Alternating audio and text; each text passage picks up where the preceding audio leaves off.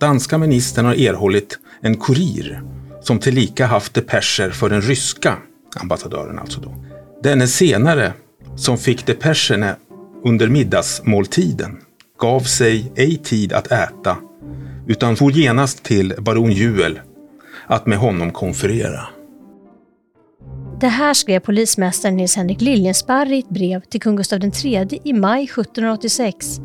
Det är ett av många brev som finns bevarade i Gustav IIIs privata arkiv som nu håller på att digitaliseras och bli tillgängligt för alla. Genom ett spion och angiverisystem håller Liljensparre järnkoll på allt som kan hota kungen. Det här är revolutionernas tidsålder, när kungar avsätts och till och med mördas. Även här i Sverige skulle det komma att visa sig. Du lyssnar på Forskarpodden vid Uppsala universitet. Det här avsnittet produceras av mig, Åsa Malmberg.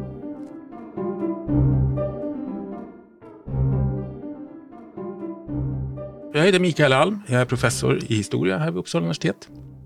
Du leder projektet med att digitalisera Gustav IIIs privata arkiv. Ja. Eh, kan du berätta om det här arkivet? Vad innehåller det? Ja, det är alltså hans privata arkiv, så i det finns alla de handlingar som var hans, så att säga.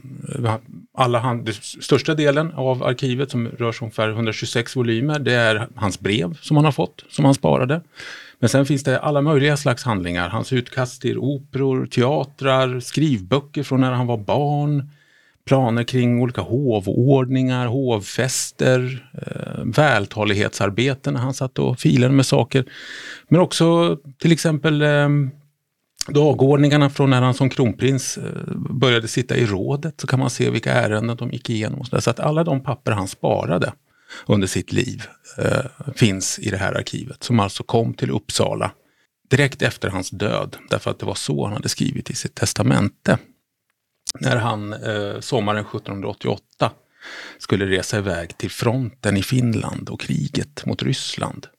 Då hade han skapat ett testamente där han förordnade om en massa saker som skulle gälla utifall att han skulle dö vid kriget. För det var ju en omedelbar risk.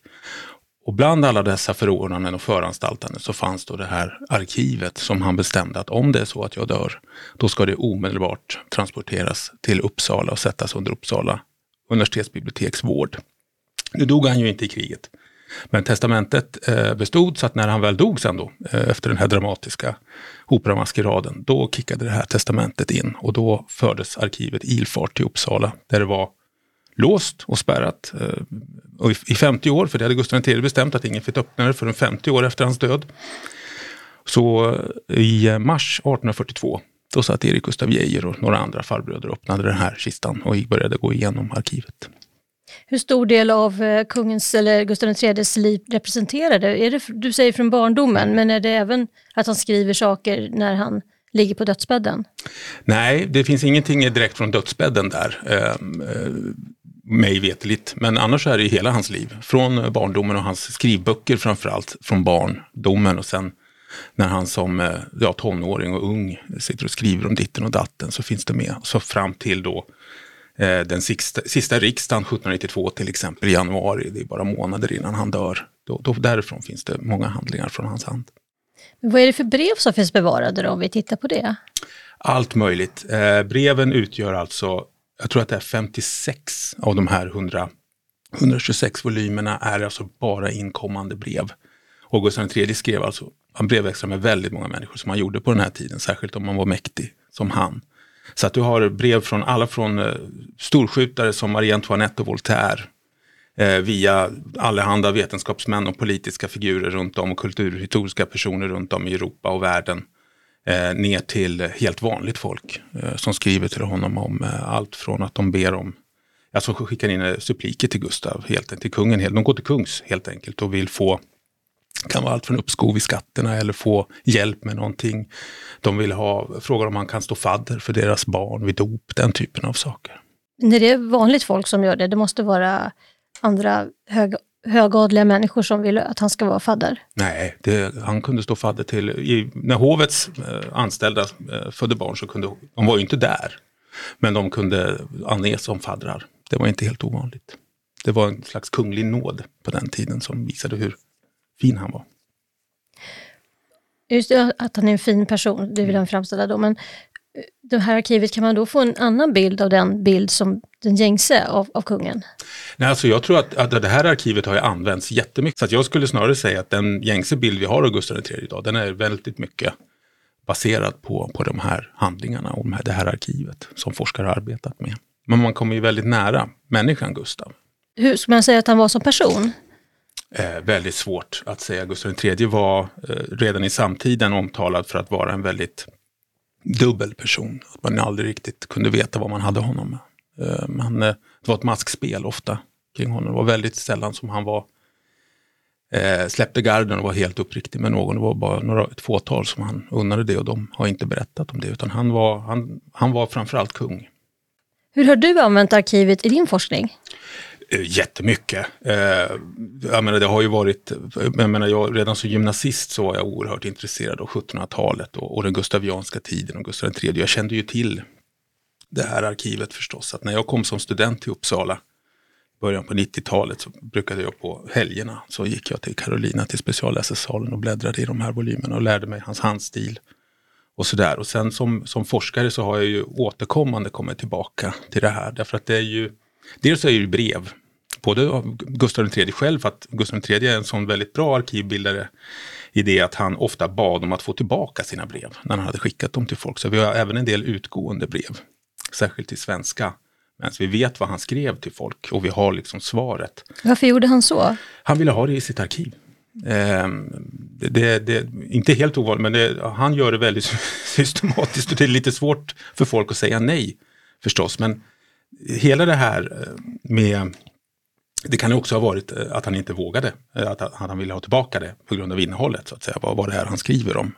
För ofta är det ju ganska känsliga saker som han skriver till sina rådgivare om, vare sig det handlar om planer på krig eller Eh, om det gäller hur han ska hantera någon eh, politisk motståndare och sådär, så, så, så, är det känsliga saker. Men det är, för oss historiker så är vi väldigt tacksamma. Men breven har jag använt mycket, men sen framför allt vad som finns är alla de här förarbetena till olika saker som han gör. Saker som jag har tittat på, till exempel riksdagstal, hovfester, eh, turnerspel ordnade, anordnade han runt om i Stockholm. Och så alla förarbeten och alla hans skisser och planer Eh, inför de här, de, de, de, finns ju här. Så då kan man titta på dem. Och sen har han också samlat på sig mycket andra handlingar.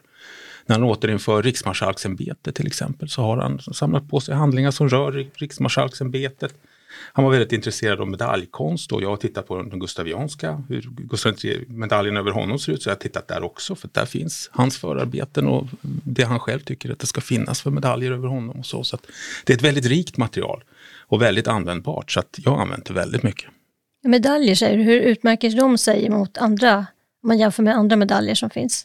Ja, de är väldigt likartade andras eh, medaljer. Alltså medalj på den tiden, skådepenning som det kallas, det var helt enkelt en, man, ungefär som en eh, en Twitterpost eller något sånt där idag. Alltså för att eh, till åminnelse av någon händelse, det kan vara en fred, ett krig, en reform, en, en riksdag, en prinsdop, en födelse, en död, begravning, så slog man en medalj eh, som då hade ofta en väldigt eh, allegorisk bild och som någon latinsk santans, som man liksom eh, befäste minnet av den här händelsen. Och det, det, där var någonting som Gustav III var väldigt intresserad av. Och, jag menar, han, var ju, han var ju en av de mest propagandamedvetna kungar vi har eh, haft eh, i Sverige och han odlade ju sin självbild oerhört aktivt. Och det här var ett av de medier som han använde. För. Ett PR-grej helt enkelt? Absolut, reklam för Gustav. Vad är syftet med att digitalisera det här arkivet? För det första då handlar det om att göra den här samlingen, att renovera den. Därför att den är så pass använd och sliten så att den är alltså till stora delar spärrad för användning när vi började vårt projekt. Det var vårt första argument, vårt tyngsta argument, att vi måste renovera den här samlingen. Men sen syftet med att digitalisera alltihopa, det är att bereda väg för en mer eh, hållbar användning framöver. Att man kan titta på det här på nätet istället för att bläddra i de faktiska handlingarna. Det kan man också få göra, men, men både tillgängligheten och, och, och så där ökar ju med att det är digitaliserat. Man, behöver, man kan sitta i Alabama och, och, och titta på de här handlingarna. Man behöver inte åka till Uppsala och titta på dem. Så vem som helst kan få göra det sen? Vem som helst kan, från och med nu, denna stund, när vi började, handling, allt eftersom det digitaliseras så läggs det upp på Alvin, som är Uppsala universitets plattform för eh, digitalt kulturarv. Så att där kan man gå in och, och, titta på de här handlingarna och söka runt. Och snart kommer man kunna söka ännu mer därför att en del av projektet är också eh, HTR en HTR-process, alltså handwritten text recognition, där vi lär en dator läsa Gustav IIIs handstil så att vi ska kunna transkribera stora delar av eh, texterna i arkivet, vilket gör dem sökbara. Och därmed ännu mer användbara för forskare och för allmänheten. Man kan gå in och söka efter enskilda personer och få träffar på där han skriver om dem, eller händelser, eller länder, eller städer, eller whatever. Han skriver på franska? Han skriver på både svenska och franska. Eh, det finns ju en eh, föreställning om att Gustav III gick omkring och bröt på franska och, och sådär. Det, det, det, är helt fel. Alltså han, han excellerade i svenska. Han var oerhört skicklig på svenska och en nydanare på svenska eh, av, av Strindbergska mått alltså. Eh, och var väldigt noga, alldeles uppenbart när man tittar på det, när han använde franska och när han använde svenska. När det gällde riksangelägenheter, riksdagar, den typen av saker, då skrev han alltid på svenska. Men sen när han blev privat med folk och skrev brev eh, och mera informella sammanhang, då blev det lätt franska.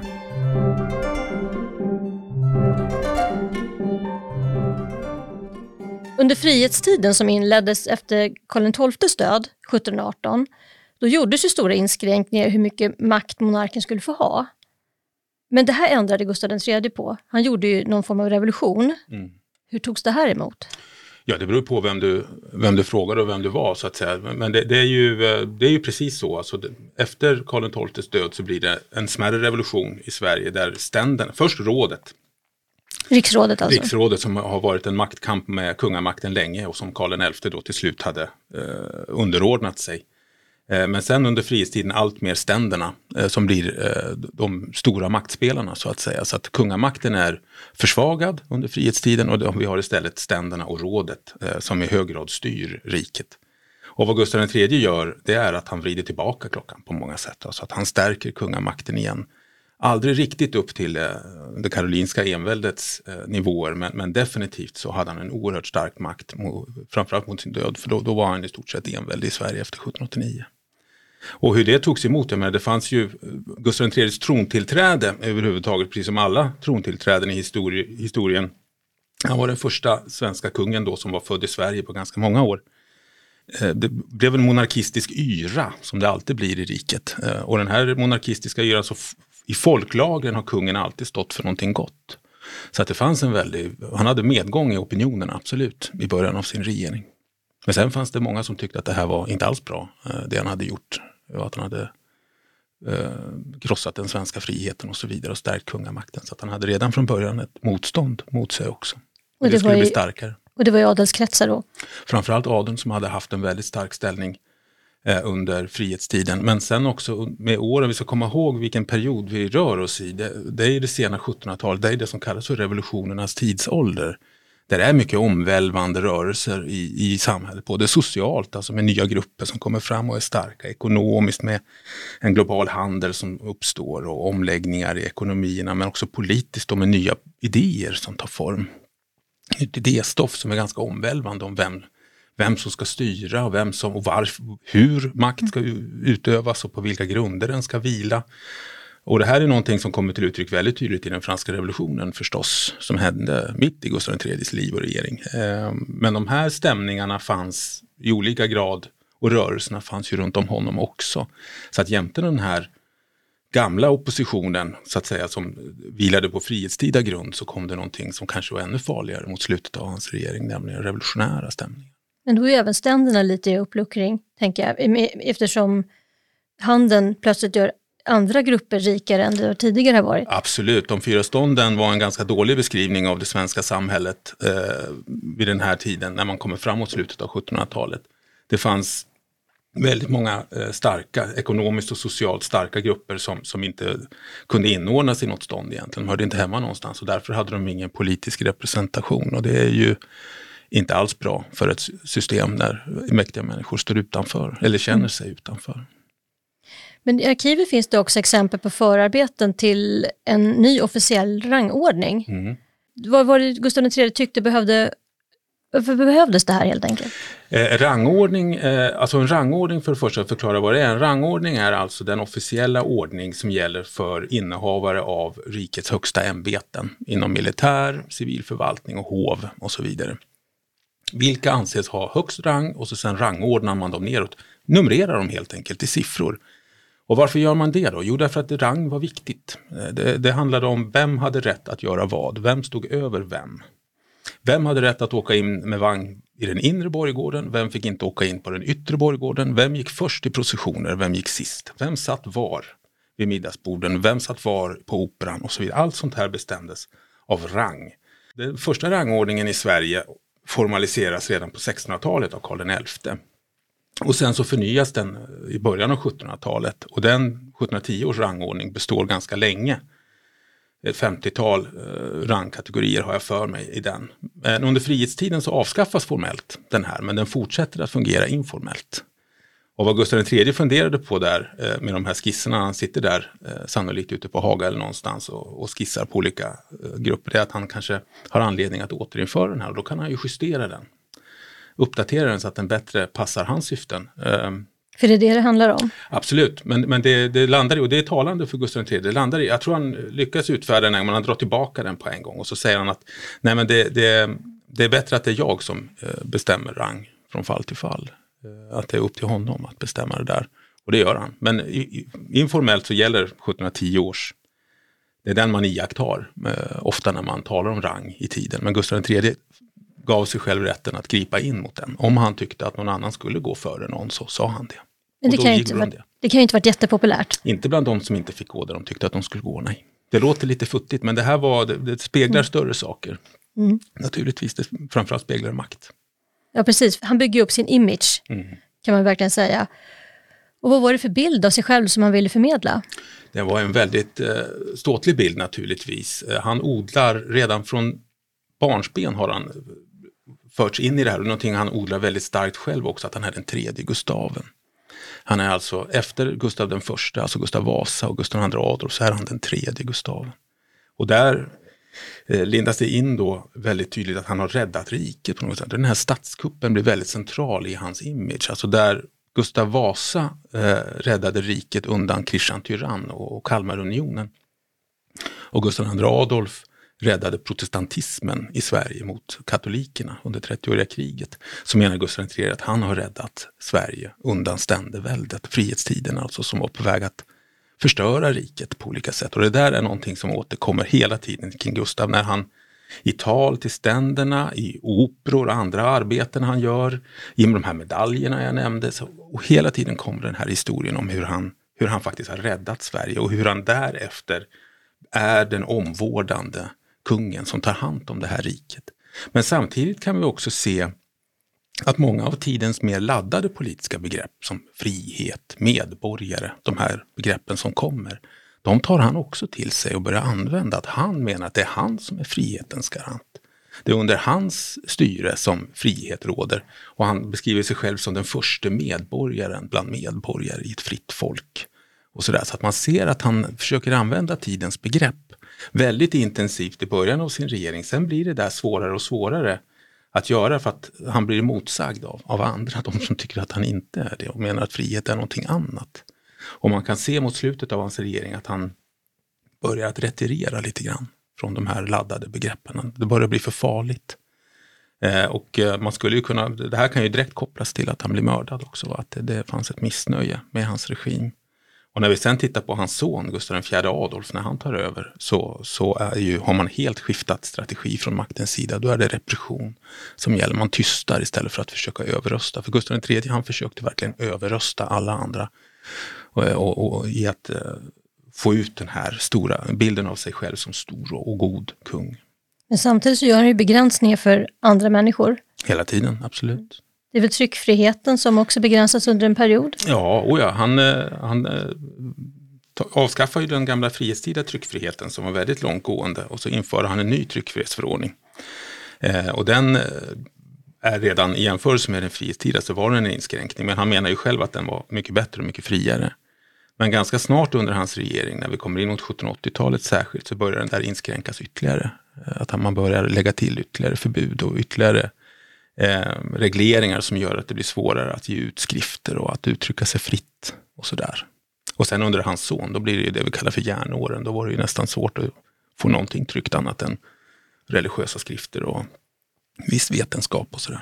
Men en del av den här PR-grejen som man håller på med, det är också det här sirliga hovlivet Mm. med eh, operor och det är Ja, ja. fina baler och det är alla Mm. möjliga saker. Mm. Berättas det någonting om det i eh, arkivet? Absolut. Eh, jag menar, där är ju ytterligare en eh, aspekt av den här makthävdelsen som han gör. Alltså att hovet blir ännu mer påkostat. Han spenderar ännu mer på hovet. Hovet växer. Det blir fler hovfunktionärer. Det blir ett rikare hovliv med mer drivna ritualer och så vidare. Allt det här handlar om att öka lyskraften eh, kring honom. Och framför allt att hela tiden Eh, rituellt gestalta honom som maktens centrum. Alltså den punkt varifrån allt kommer. Tänk på Ludvig XIV och Versailles. Eh, det är någonting som Gustav III pratar mycket om. Alltså där har han nog lite av en förebild. Alltså att få människor att falla in under sig i en sån här organisation. Och sen naturligtvis alla de här operorna, teatrarna, turnerspelen, alla de hovfesterna, allt det där var ju en aspekt av det här. Att, att de har den här glansen kring hovspektakel, att hovet går till operan uppklädda till tänderna liksom och, och, och avsitter en, en för- föreställning. Sticker inte det här ögonen på vanligt folk? Det gjorde det säkert. Jag menar, det fanns i viss mån så under tidig modern tid så fanns det ju en, en allmän överenskommelse att sånt här skulle vara med. Alltså det här behövdes för att framförallt utländska sändebud skulle se att Sverige var en stat att räkna med. Då måste man ha lite show så att säga. Men, men det är klart att Gustav IIIs eh, hov att det växte som det gjorde och att det kostade vad det gjorde, att det stack i ögonen på många som tyckte att de där pengarna eh, kunde väl användas eh, på annat sätt. Men det, var, det här är ju lite mer en, en, en- en statsminister som har ett 60-årskalas och sånt där, men det är ju sånt som kan irritera idag. Jag kan tänka mig att det är ungefär samma. Det är intriger lite överallt också, framförallt också mot kungen. Mm. Eh, och han behöver ju ha koll på det här Mm. för att kunna behålla makten. Absolut. Och då har han ju hjälp av spejare och så. Absolut, och där kommer vi in på polismästaren Liljensparre Mm. som ju finns med i det här arkivet som vi håller på att arbeta med. Det finns flera brev från Liljensparre till Gustav III. Men de är, de, de, de är in, snarare än brev så är de som promemorior, som rapporter. Och det här är framförallt från 1780-talet när opinionerna var väldigt eh, stökiga i Sverige och Gustav III kändes väldigt motarbetad. Och då har vi exempel på flera såna här, flera såna här eh, eh, promemorior som Liljensparre skickade in. Och jag sitter faktiskt med en här nu som kom, eh, det är maj 1786. Att det här är eh, stökigt och det är riksdag i Stockholm, eh, riksdagstider i Stockholm. Eh, och Gustav III är väldigt intresserad naturligtvis av vad som händer i huvudstaden här.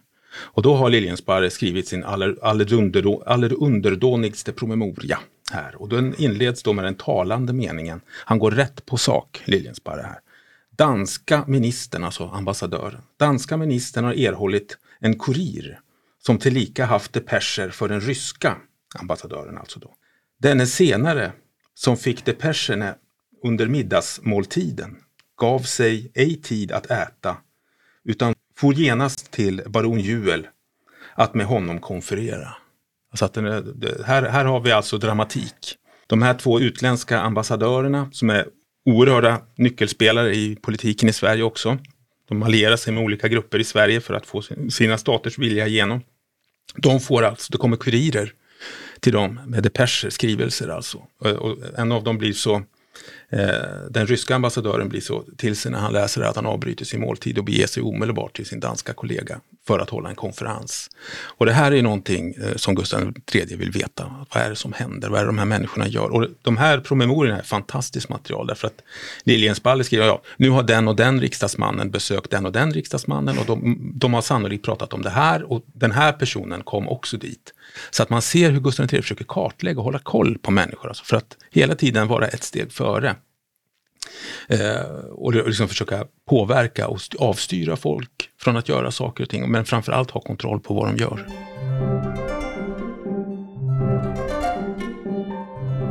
Kungen mördas ju i alla fall. Ja, Och han efterföljs av sin son Gustav IV.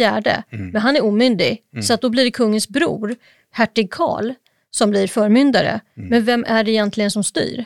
Ja, alltså, formellt är ju Karl eh, förmyndaren, eh, men vid sin sida fick han ganska snart en person som, som eh, avskydde Gustav III med ömsesidiga eh, och- känslor som har varit i landsförvisning i stort sett under en period. Men han kommer tillbaka ganska snabbt här nu på hertigens eh, befallning och det är ju Reuterholm.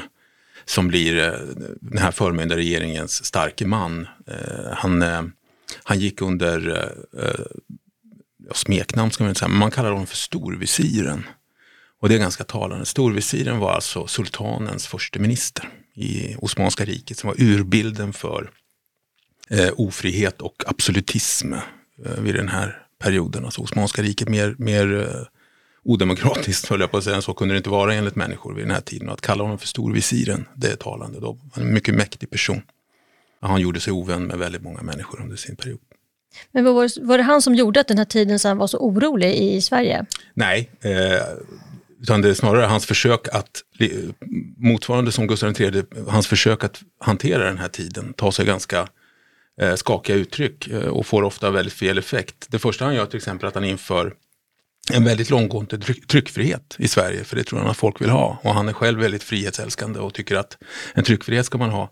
Men vad som kommer fram då, som hålls inne av Gustav IIIs repressiva lagar, det skrämmer, det skrämmer de här två farbröderna ordentligt. Alltså, så att de vänder på en klack i stort sett och stänger tryckfriheten.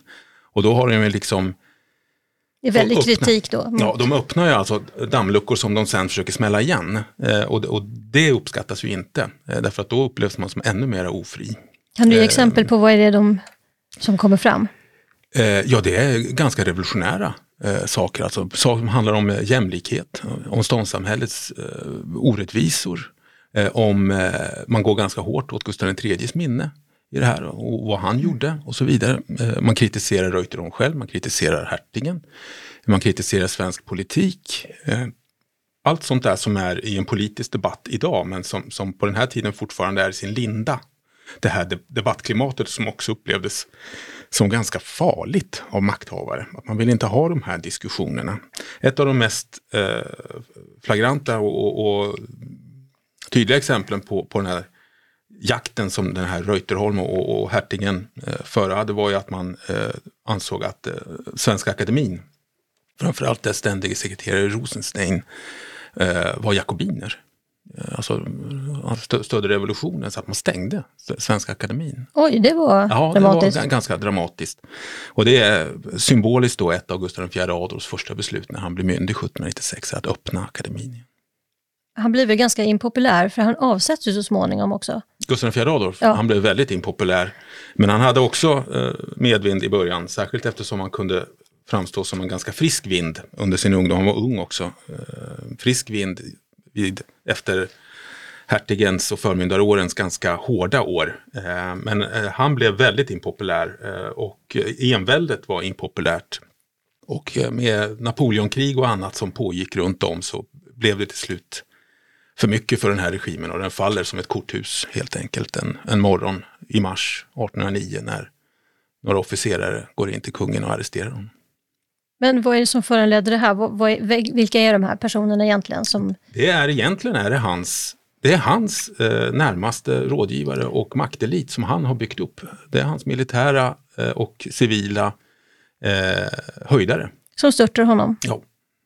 Därför att regimen håller inte längre alltså. Och droppen som har fått bägaren att eh, svämma över här är ju eh, kopplat till Napoleonkrigen och att eh, Ryssland har erövrat i stort sett hela Finland och kungen är beredd, eller är helt inställd på att fortsätta det här kriget och vinna tillbaka Finland. Och de här människorna tycker att nej, men det är ingen bra idé att göra det nu. Nu, nu skulle vi framförallt behöva ha eh, fred och vila och, och, och, man har andra åsikter om vad som ska hända. Och då eh, slutar det med att man arresterar honom och avsätter honom och en riksdag eh, sammanträder och han, eh, han och hela hans ett förklaras eh, tronen förlustig helt enkelt. Och de flyr utomlands? De skickas utomlands, precis, i exil. Först till eh, drottningens hem eh, i Karlsruhe i södra Tyskland, Baden. Ehm, sen han själv lämnar eh, Baden och Karlsruhe och ger sig ut på en ganska osalig vandring runt om i Europa skiljer sig från drottningen och, och, och han dyker upp i England och han är i Nederländerna och till slut slår han sig ner i St. Gallen i Schweiz. Där han då till slut 1837 dör. Eländig. Ja, det var inte något roligt liv. Nej. Men efter hans, att han försvinner från den svenska tronen, då Mm. återkommer ju hertig Karl som nu blir Karl trettonde. Ja. Och 1809 är det här. Mm. Men det kommer också en ny regeringsform som, Mm. Begränsar-. Ja, ja, som begränsar hans makt. avsevärt. Enväldet är borta nu. Nu är det en regeringsform som egentligen det politiska liv, den gällde fram till 1976 ska man komma ihåg. Så att det här är en väldigt eh, viktig regeringsform. Och hur kommer den här till? Den kommer till genom att ständerna samlas och man utarbetar förslag eh, till en regeringsform. Och man har ganska bråttom eh, med det här därför att den ryske tsaren har sagt att han tänker inte förhandla fred med någon annan än vad han kallar för en lagkrönt kung. Det ska alltså finnas en regeringsform och det ska finnas en kung. Och för att få en kung så måste man ha en regeringsform. Så att det är bråttom att arbeta fram en ny regeringsform och det går väldigt fort. Och så fort den är klubbad då kan Karl XIII utropas till kung den 6 juni eh, 1809. Och då kan man börja förhandla om freden. Så att det var väldigt bråttom med den här regeringsformen. Om inte Ryssland hade krävt det, hade det kunnat vara så att vi inte hade haft ett kungahus? Eh, du menar att man skulle ha blivit republik eller Ja. sånt där? Ja, de eh, tongångarna fanns, absolut. Det, det var väldigt, alltså 1809 års regeringsform går väldigt långt när det gäller väldigt många saker med, med maktdelning och annat som låg i tiden. Sen var det en massa saker som man pratade om, ståndsriksdagen skulle avskaffas menade man, men det hinner vi inte var det andra som sa och låt oss ta en förändring i taget, vi får inte förändra för mycket på en gång för då kommer bönderna bli oroliga och så vidare. Men det fanns också enstaka röster som tyckte att någon kung behöver vi väl egentligen inte, vi kan ju vara en republik som i Frankrike. Men kungen fick ju aldrig några egna barn inom äktenskapet. Karl XIII hade inga barn med sin fru, nej, han hade flera barn men inget med sin fru. Och det var ju ett problem, därför att han var vid den här tiden gammal. Han var sjuk, han var slagrörd, som det heter, han hade haft flera slaganfall. Eh, och det fanns liksom verkligen ingen som helst förhoppning om att han någonsin skulle... Eh, så det gällde alltså att man fick göra som man har gjort tidigare i historien när det inte har funnits eh, kronprinsar eller tronföljare som till exempel Fredrik den förste då som inte heller hade några barn med sin fru när man tog in Gustav IIIs pappa Adolf Fredrik från Tyskland. Att man fick helt enkelt se sig om efter en tronföljare som då skulle adopteras av Karl XIII. Och då valde man ju först då den här danske prinsen eh, som hette Christian August. Men Christian kan man ju inte heta i Sverige eh, så att han fick heta Karl August när han kom hit. Han var den första som valdes att bli tronföljare. Men var alla nöjda med det beslutet? Nej. Nej. Det är aldrig, någon som, aldrig någonsin har någon, har alla varit nöjda med ett beslut. Sådana här eh, frågor var ofta väldigt splittrande. Va? Därför att det var väldigt viktiga saker och det fanns omedelbart bildades det partier kring olika kandidater som liksom på olika sätt argumenterar och bekämpar varandra. Men partiet kring Karl August var den som, som vann. Ett parti som till exempel var med länge här, det var de som tyckte att eh, Gustav IV Adolfs son, Gustav, som hade varit kronprins sedan sin födelse 1799. Honom skulle man ta tillbaka så skulle Karl XIII adoptera honom. För det var ju han som liksom egentligen var kronprinsen. Men det där var ju fram och tillbaka, fram och tillbaka, så diskuterar och debatterar man det här. Eh, Men det, blev, det slutade vid Karl August, som inte blev särskilt långvarig då. Nej, han dog ju väldigt knallfall. mm. Och då blev det uppror, kan man väl säga. Ja, det blev oroligt i alla fall, för det, det uppstod ju rykten ganska snart om att han, eh, för han, vad, vad som hände var att han dog av ett slaganfall under en exercis nere i Skåne. Han satt i häst och ramlade av knall och fall och var död helt enkelt när han kom fram. Eh, och då började det uppstå omedelbart rykten om att han hade blivit förgiftad. Och man börjar titta och ja men han sa att han hade ont i magen tidigare, han var sjuk den vägen. Och, så. och de här ryktena växte och växte och växte och det togs liksom, ingen tog någonsin riktigt avstånd från ryktena. Ingen gick ut och sa, men nu får ni lägga av, det, det här var ett slaganfall. Utan ryktena fick fart och närdes och ganska snart började de riktas mot en särskild familj i Sverige, nämligen familjen von Fersen. Som man menade var drivande i det här, framförallt då riksmarskalken Axel von Fersen och hans syster Sofie Piper. De hade ju haft väldigt högtstående positioner i samhället. Det här är högre än så här blir man inte utan att vara kung i Sverige än vad de här människorna var. Och då det här blev väldigt hetskt stämning mot dem. Och det når ju då sitt, sin kulmen eh, under eh, begravningsprocessionen för Karl August när han ska föras till sin begravning genom Stockholm. När begravningsprocessionen kommer och Axel von Fersen riksma, som, som riksmarskalk åker bakom, eh, åker med i processionen och börjar, ganska snart så börjar det alltså kastas stenar, mynt, glåpord och annat mot hans vagn. Eh, fönsterrutorna krossas, helt plötsligt kopplas hans vagn loss från hästarna. Processionen fortsätter, den stannar inte utan färsen blir kvar där bak bland folk. Lyckas fly ut från den här stor dramatik, fly ut från vagnen och in i ett hus till en krog helt enkelt där han försöker söka skydd. Men blir utdragen. Och man säger att man ska ta honom till häktet som ligger vid, borta vid Bondska palatset, eh, alltså vid, alldeles vid Riddarhuset.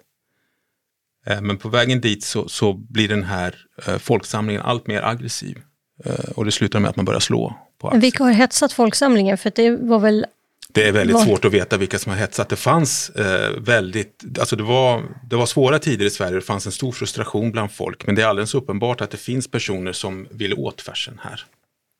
Eh, och som hetsar. Och det slutar med att, att han helt enkelt eh, slås ihjäl på Riddarholms, Ri- Riddarhustorget.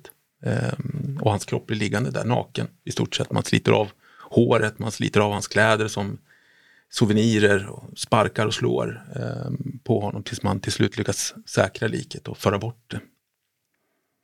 Men varför var han så hatad? Då? Var det för att han var högt, eh, hade en hög position eller var det för att Han han, var- gjorde saker som folk inte tyckte om? Han var symbolen för den gamla ordningen i Sverige, en av symbolerna. Alltså han hade stått de gustavianska kungarna så nära. Eh, och han hade tjänat under dem. Menar, man kände till historien om honom och Marie Antoinette i den här tiden. Så han, ja, de hade han ju ett förhållande. Ja, han hade helt enkelt, han var symbol, en symbol för den gamla ordningen. Så att hela det här fruktansvärda kan läsas som ett rituellt mord på den gamla ordningen. Alltså att man slår tillbaka mot den. Oj, hur nära en revolution skulle du säga att vi var? Ja, alltså, när en av rikets högsta ämbetsmän ganska långsamt och utdraget slås ihjäl på en öppen gata i Stockholm. Det är ett symptom på social upplösning verkligen. Det är oroligt. Men det här sprids aldrig.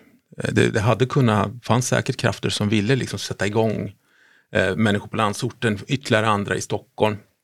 Vi ska komma ihåg att det tas fram kanoner i Stockholm. Det skjuts på folk här för att få dem att lugna ner sig. Eh, folk dör under, det här upp, eh, under den här lynchningen, eller efteråt i efterspelet. Ehm, För under lynchningen så var väl poliser och så väl inaktiva? man försökte hålla sig i bakgrunden för att inte, som man säger, för att inte skapa ytterligare oro. Eh, Axel von Fersen själv sökte ju hjälp från garderna som stod där. Men de stod kvar. De gick inte fram för att hjälpa honom. Och då, och då var ju det skede när folksamlingen såg ut att knuffa Fersen mot häktet. Då. Att de ville ha honom häktad. Eh, så att det skulle inledas en rannsakan mot honom.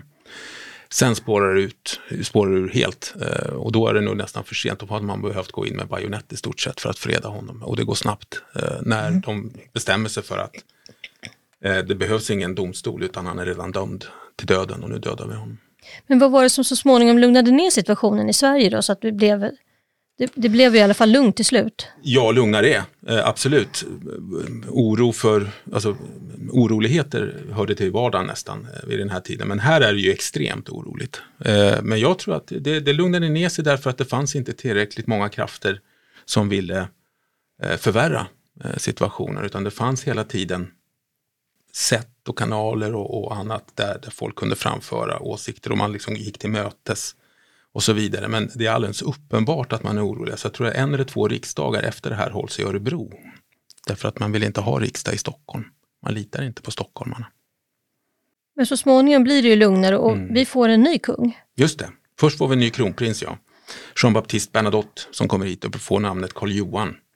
Eh, som sen blir Karl XIV Johan 1818. Då har vi ju en ny dynasti i Sverige igen. Holstein-Gottorp-dynastin har övergått i Bernadotte. Ja, det är en spännande del av historien det här. Verkligen. Du får tack för att du kom hit. Tack så mycket för att jag fick komma. Du har lyssnat på Forskarpodden med forskaren Mikael Alm. Följ oss på Podbean, iTunes, Spotify eller andra poddläsare. Kontakta oss gärna i sociala medier på hashtag forskarpodden eller på universitetets webbsida uu.se forskarpodden. Jag heter Åsa Malmberg och Forskarpodden produceras av Uppsala universitet med musik av Marcus Sjöblom.